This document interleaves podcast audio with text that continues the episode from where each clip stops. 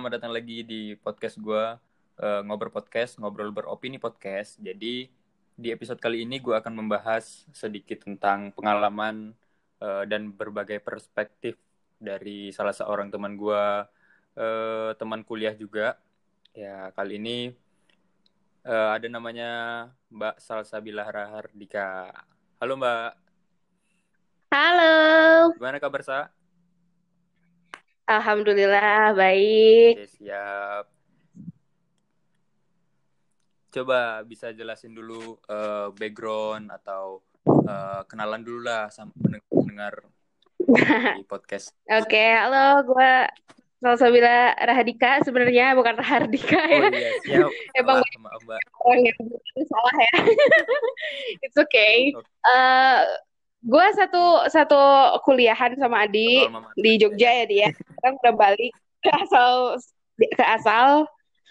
Uh, gue backgroundnya itu sebagai anak broken home sebenarnya. Okay. tapi lucunya gue nggak merasa gue broken home. Gitu juga ya. So ya. Yeah. oke okay, sebelum sebelum lanjut ke bahasan kita tentang broken home mungkin uh, kita jelasin dulu nih kita uh, kenalnya di mana gitu kan jadi uh, kita kenalnya di mana nih sa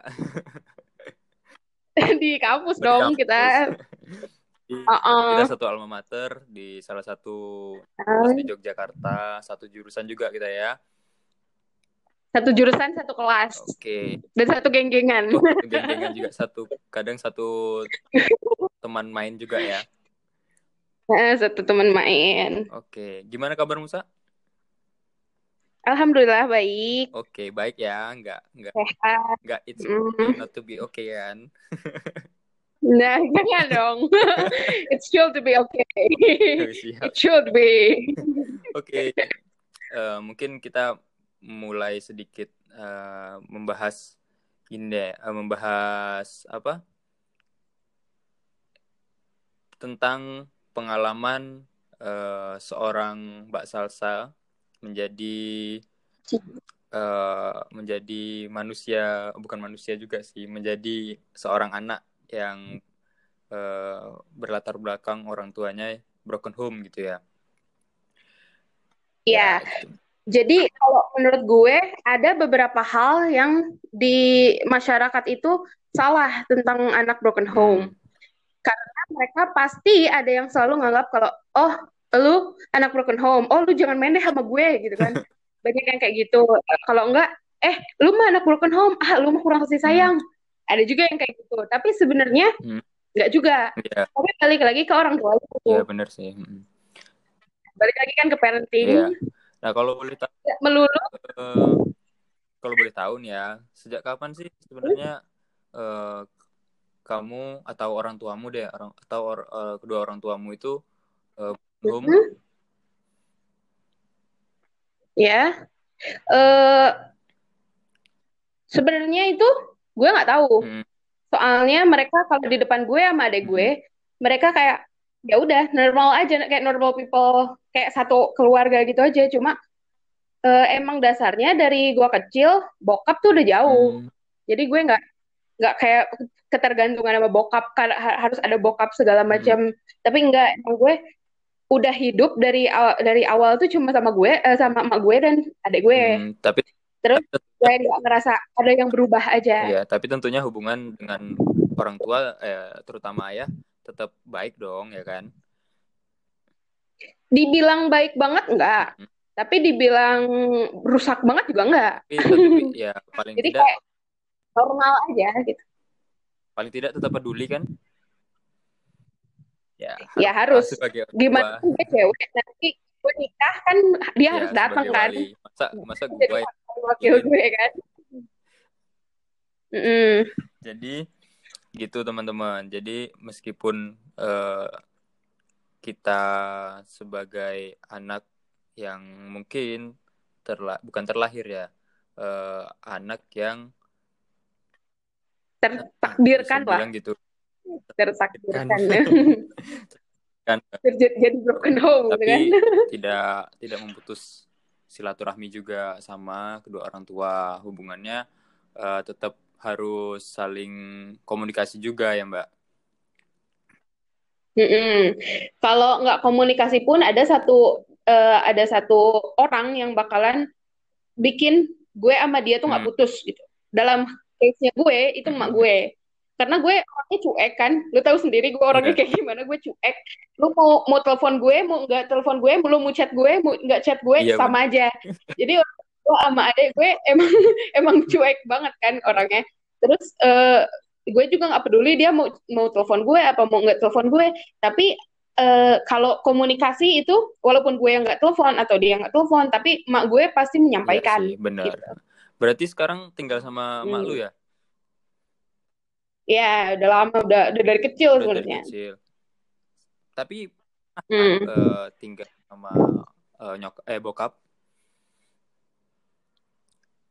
Sama bokap pernah cuma nggak lama cuma apa ya cuma kayak beberapa kalau gue liburan gue ke tempat bokap udah gitu doang. Nggak sampai gue yang lama banget di situ soalnya gue orangnya kan agak-agak terbatas ya maksudnya di rumah gue harus pasti gue harus bawa buku ke mana-mana terus uh, gue juga jarang kalau mau keluar pun gue benar-benar keluar sepengennya gue gitu jadi agak-agak susah sama habit bokap gue yang agak cenderung kolot. Kolot.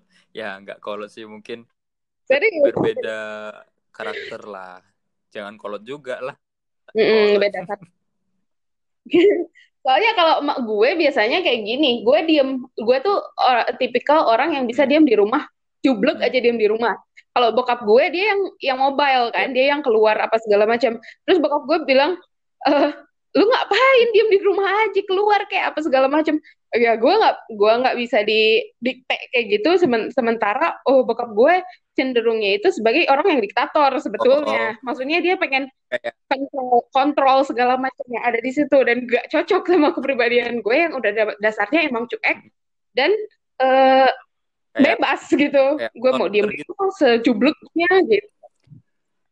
Kayak otoriter kayak gitu berarti. Kayak kayak mm, termasuknya kayak gitu. Jadi kalau sekarang ini kan uh, udah lumayan gede juga ya kan. Lalu sekarang udah dewasa, hmm. udah tamat kuliah juga gitu. Uh, Sebenarnya peran dari uh, adanya bokap itu mempengaruhi banget nggak sih sebenarnya? Nggak, nggak. Soalnya gue gue merasa ada dan nggak adanya bokap tuh sama aja di hidup gue. Cuma mungkin kayak gini, mungkin karena gara-gara gue dari dari kecil itu nggak hidup sama hmm. bokap kan tapi ada juga orang-orang yang hidup sama nyokap bokapnya dalam satu rumah yang sama mereka asalnya harmonis terus tiba-tiba beledak lah dia divorce segala macam dia yelling dia teriak gitu dia marah-marah di depan muka lu nah, itulah yang nggak sehat sebetulnya tapi gue uh, dalam hmm. kasus gue bokap atau nyokap nggak pernah ngelakuin itu dia pasti kalau mau berantem tuh dia masuk ke salah satu ruangan di rumah gue dan gue sama adik gue di, disimpan di ruangan misalkan di di uh, di perpustakaan gitu kan. terus gue suruh baca apa ya? suruh Nah, jadi nggak boleh ada satu orang pun yang tahu kalau mereka kalau mereka itu lagi istilahnya lagi cekcok berat apa yelling segala macam dan gue nggak tahu sebetulnya. Gue uh, sama adik gue ya menganggap mereka oh ya udah. Mereka cuma ngobrol udah selesai. Hmm tapi kalau di keluarga, terutama di keluarga bokap juga mm -hmm. kan pasti uh, nggak nggak putus kan silaturahminya kan? Iya, gue nggak nggak putus sih sama sama nenek. Kalau gue birthday atau segala macam ada gue birthday masih saling say hello. Kalau nggak ya gitu ya ada lah eh, komunikasinya tapi nggak se nggak se ini nggak se terbuka itu. Soalnya gue juga dari dari kecil tuh nggak kenal sama nyok eh, sama nenek gue dari pihak bokap tapi gue emang hidup sama sama keluarganya nyokap gitu kan hmm. tapi uh, kalau boleh tahu hmm. kita agak balik ke belakang lagi ya uh, hmm. ada perasaan-perasaan iri nggak sih ketika uh, uh, ma maaf nih ya ada perasaan me hmm. ada perasaan iri nggak ketika melihat uh, kedua orang tua dengan uh, anaknya itu tuh bisa akur gitu atau bisa harmonis gitu tuh. Sebenarnya kalau perspektifmu itu enggak uh, buat apa? Buat perasaan sedih nggak sih? Uh, yeah. ini jujur-jujuran ya? Nggak. Gue nggak gue nggak ngerasa gue uh, kayak anak yang dibuang. Gue nggak ngerasa orang lain tuh lebih beruntung dari gue. Tapi gue ngerasa setelah kita hidup bertiga setelah uh, officially my mom and my dad biological uh, dad was hmm. divorced gue ngerasa gue free. Sumpah gue ngerasa gue free banget. Kayak nggak ada lagi yang ceceng hidup gue harus kayak begini lah harus kayak kayak gini. Soalnya hmm. emak gue uh, pasti nyariin kayak gini. Gue uh, nih bunda punya pilihan nih. Lu punya uh, lu mau jalannya ke sini lu mau jalannya ke sini. Itu gimana lu? Bunda cuma bisa support di belakang support uh, finansial support support uh, kondisi rumah support kondisi lu nanti hidup di mana pun bagaimana itu uh, cuma itu kewajiban gue hmm. gue bilang kayak gitu Sementara hal semua hal itu pasti gue yang nentuin. Mau entah itu keputusan yang benar-benar harus difikirkan dengan jelas dan mak gue cuma bisa ngasih uh, kayak oh kalau gini tuh kayak gini loh. Oh, kalau gini tuh kayak gini loh. Jadi mak gue pas selalu pasti kasih pilihan. Kalau gue ter uh, bisa misalkan gue bisa uh, hidup kembali, lahir kembali hmm. dari orang yang berbeda, bukan emak gue. Gue ngerasa gue butuh orang tua hmm. orang tua lengkap tapi dalam kasus gue gue sama hidup sama emak gue aja gue udah bahagia banget gitu kan gue gak merasa kayak tertekan gue merasa nggak uh, butuh butuh satu orang yang benar-benar support gue my yeah. mom does that my mom always does it, uh, do it to me gitu jadi udah ah udah biarin uh, aja uh, sekali lagi mungkin sorry ya saya uh, menanyakan hal-hal yang mungkin ini sebagai suatu privasi Mm-hmm. privasi lu ya.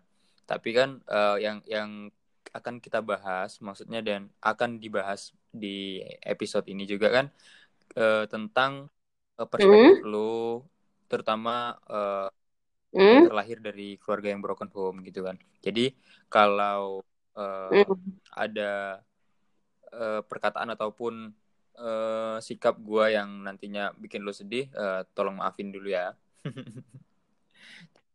tenang tenang. Gue gue anak broken home yang anti sedih sorry. Jangan, tenang aja. Ya, yang penting jangan bahagia loh. Enggak serius. Ya siap. Nah gue mau tanya lagi. Hmm, lanjut.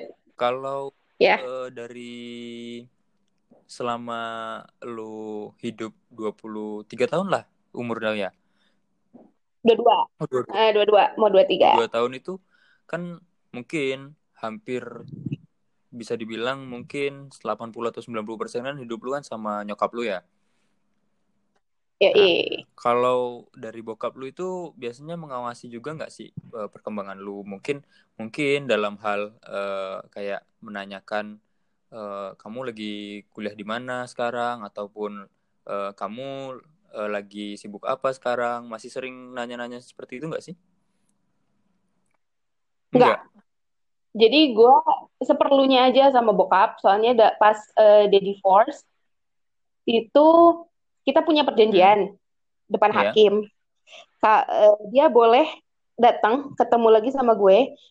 Itu uh, sebenarnya kita ketemu biasa aja ya, cuma ada satu perjanjian yang benar-benar uh, kita harus lakukan itu saat dia benar-benar harus care hmm. sama gue saat gue nikah. Oh, yeah saat uh, ijab kabul dan dia harus datang karena dia benar-benar biological father gue uh, dan gue lahirnya enggak dari accidental yeah. sorry uh, gue bukan lahir dari accidental gue lahir dua uh, mak gue hamil dalam masa perkawinan yeah. jadi gue harus wajib kena wali hakim sama dia kan nggak bisa diwakilkan.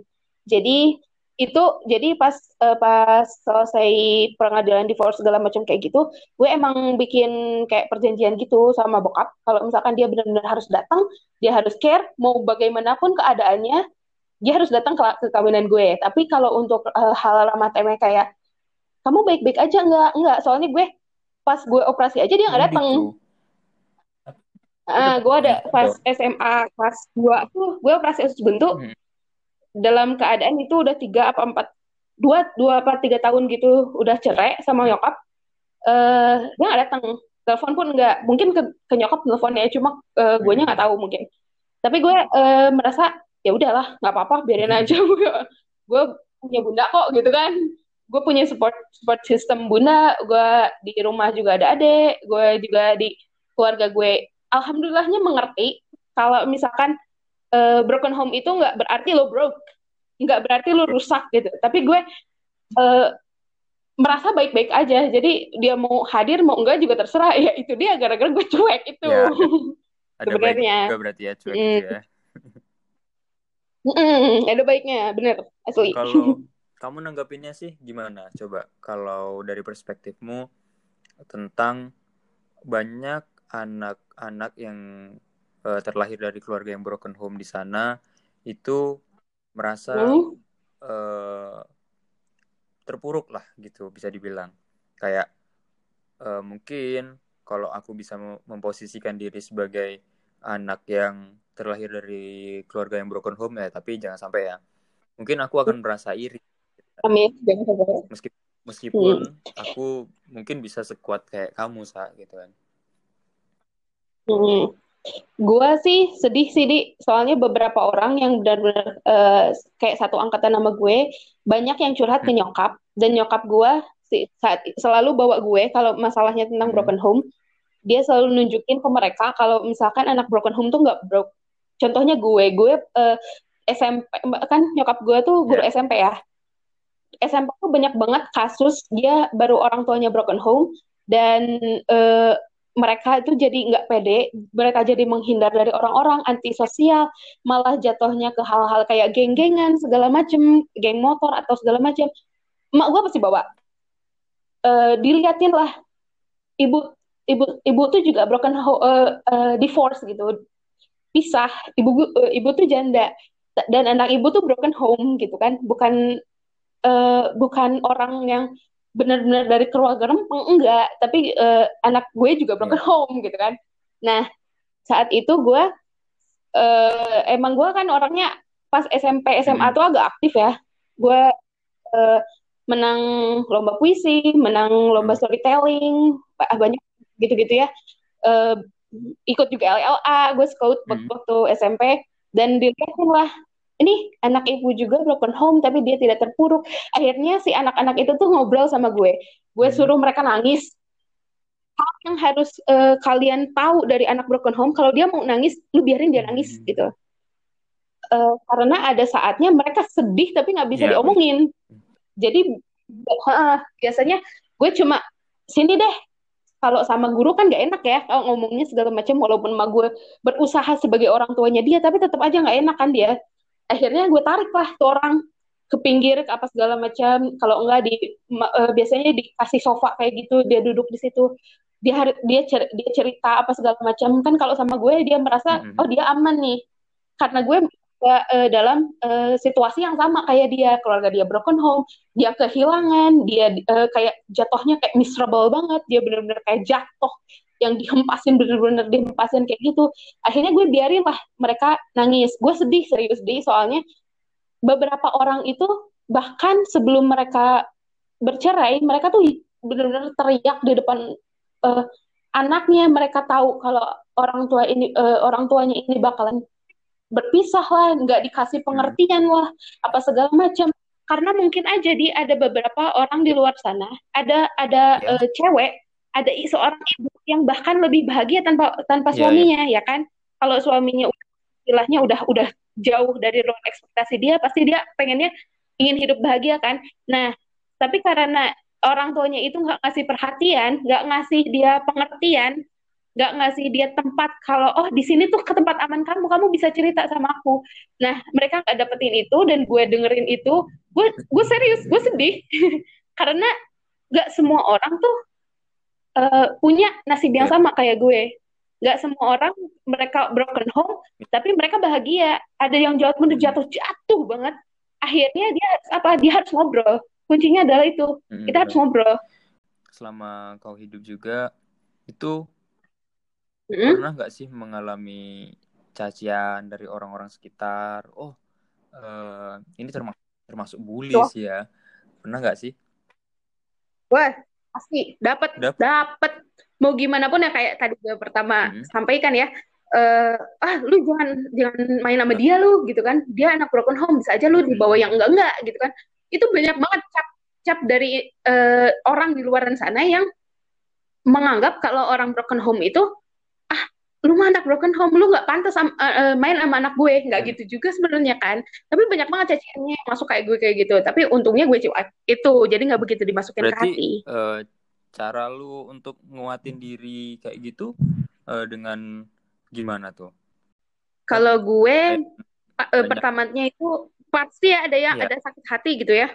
Banyak banget yang hujat gue. Oh, lu mah uh, gue dulu pertamanya pernah sampai gue pulang ke rumah gue nangis ke ke emak gue bun emang yeah. salah aku tuh apa gitu kan eh, terus bunda gue cuma bilang kayak gini kak kamu nggak bisa stop bikin orang gak gak gak hmm. insecure sama kamu eh, gak bisa membuat kamu lebih baik di mata orang tapi kamu bisa membuat lebih baik yeah. di mata kamu sendiri jadi istilah, istilahnya sama gue nyuruh gue buat tutup tutup kuping aja nggak usah didengerin karena yang tahu gue itu cuma emak gue dan gue yeah. diri gue sendiri. Yang benar-benar tahu hidup gue kayak apa. Mereka kan nggak tahu hidupnya kayak gimana kan. Tapi ya emang ada satu ada beberapa orang yang benar-benar ngotot kalau oh orang ini nggak usah main sama ini. Oh ini kamu mah anak broken home nggak usah ini segala macam. Banyak sebenarnya. Tapi itu kita nggak bisa bungkam seribu mulut tapi kita bisa iya, bungkam ya, benar, dua benar. telinga kita. Hmm. kan uh, lu kan termasuk uh, orang yang menurut gue kan sangat kuat sih sangat sangat sangat kuat juga kan hmm. menghadapi uh, atau mempunyai uh, keluarga yang mungkin bisa dibilang uh, sedikit timpang ya timpang karena hanya ada ibu uh, hanya ada ibu yang selalu di samping kamu kan uh, hmm. selama ini kamu pernah merasa ini gak sih ada yang berbeda di psikis kamu gak sih? Dan dan pernah nggak mencoba untuk uh, ke psikolog atau uh, cerita selain ke orang? Iya iya pernah. Pernah pernah pernah. Uh, ke ke psikolog itu karena gue tuh orangnya itu kadang dulu kayak borderline gitu, borderline disorder yang kadang-kadang secuil aja itu bikin marah itu sebelum gue divorce, belum sama gue sama hmm. bokap gue divorce. Uh, gue tuh kayak dikit aja satu hal aja bikin gue marah sampai gue tuh suka nunjukin tembok. Oh, Dulu iya. kan gue taekwondo ya. Kuat. Jadi kayak uh, Uh, jadi pengennya tuh kalau gue marah, gue mengkulin tembok nih gitu. Gue gue juga suka teriak-teriak aja gitu kan, biar lepas marahnya. Tapi emang emang agak susah. Akhirnya mak gue tuh uh, yeah. ngajak ngobrol, ngajak ngobrol dan sampai gue nangis segala macam, bla bla bla bla bla segala marahnya harus dikeluarkan. Itu juga mama gue uh, apa namanya agak agak kesulitan sebenarnya ngadepin gue waktu dulu itu soalnya gue kan sedikit-dikit marah gitu gue juga gue juga gak ngerti di kenapa gue marah gitu dulu tuh akhirnya lama kelamaan gue udah ngerti oh oh gini nih uh, kalau gue marah tuh kenapa sih? Gue marah gitu. Kan capek ya marah tuh. Gitu. marah tuh kayak bikin jantung tuh kayak panas banget gitu kan kalau gue. Terus gue kan capek gue nggak gue pengen nih nggak marah lagi segala macam kayak gitu.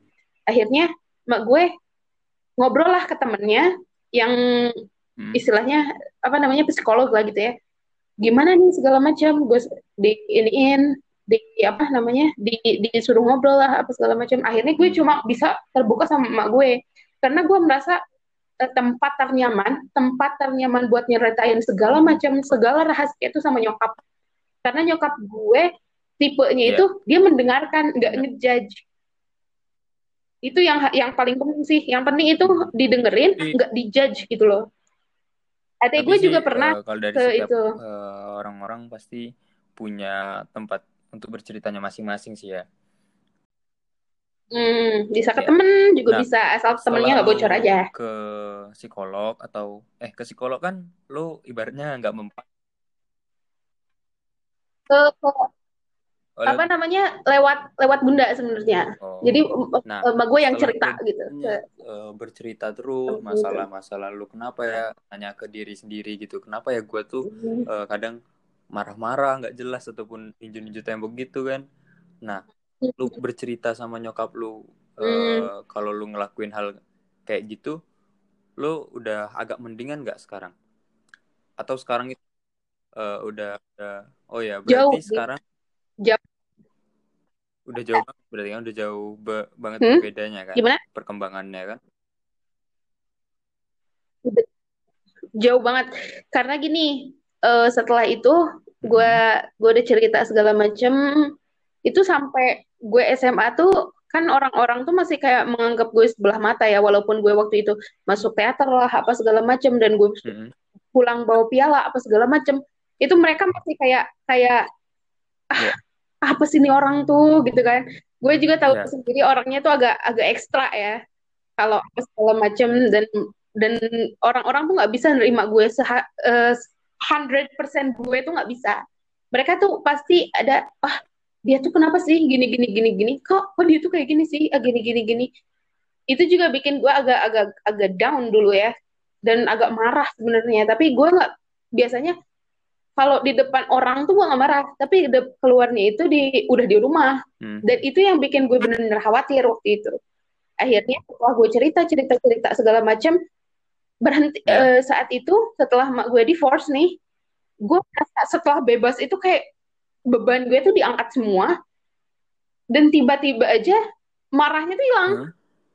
sampai saat ini tuh kayak ah gitu kan gue bikin diri gue capek sendiri ya udah akhirnya gak gak merasa marah lagi udah biasa aja kayak kayak cooling aja gitu cooling cooling berarti sendiri bener -bener dirinya udah, udah sekarang lo udah menikmati eh, diri lo sendiri berarti ya udah menikmati uh, kehidupan lo sekarang uh, hmm. meskipun cuman hanya sama nyokap dan adik lo ya berarti ya bertiga ya ya pasti pasti juga hmm. tentunya nggak hmm. menghalangi kebahagiaan juga sih harus Oke, harus nggak menghalangi kebahagiaan. kita di episode ini batas ini dulu sih ya, Sa. Mungkin nanti ada uh, ada sesuatu lagi oh. yang akan menarik untuk diceritakan di episode selanjutnya ya. ya sebelum menutup uh, menutup episode ini, yeah. mungkin bisa kasih kesimpulan sedikit untuk uh, teman-teman pendengar, pendengar Sa. Uh, kalau kata gue gini, jangan menganggap kalau broken home itu lu broke. Lo harus tetap tegar, lo harus buktiin ke orang-orang kalau hmm. selama ini yang mereka pikir itu salah. Kalau semua hmm. kalau or, kalau broken home itu nggak buat lo jatuh. Gitu aja sih. Itu yang harus yes. diiniin dan satu lagi ya, terima lo harus hidup bahagia. Dah gitu aja. Salah satu kalimat Sip, makasih juga uh, Di. Bisa jadi semangat kalian juga bagi pendengar uh, teman-teman pendengar juga mungkin uh, ini juga bukan hanya untuk teman-teman pendengar tapi untuk uh, gua dan Salsa juga mungkin bisa jadi lebih baik ya Sa. Terima kasih ya Sa. Amin, semoga ya. Oke, sampai jumpa di episode selanjutnya. Makasih juga di. Bye.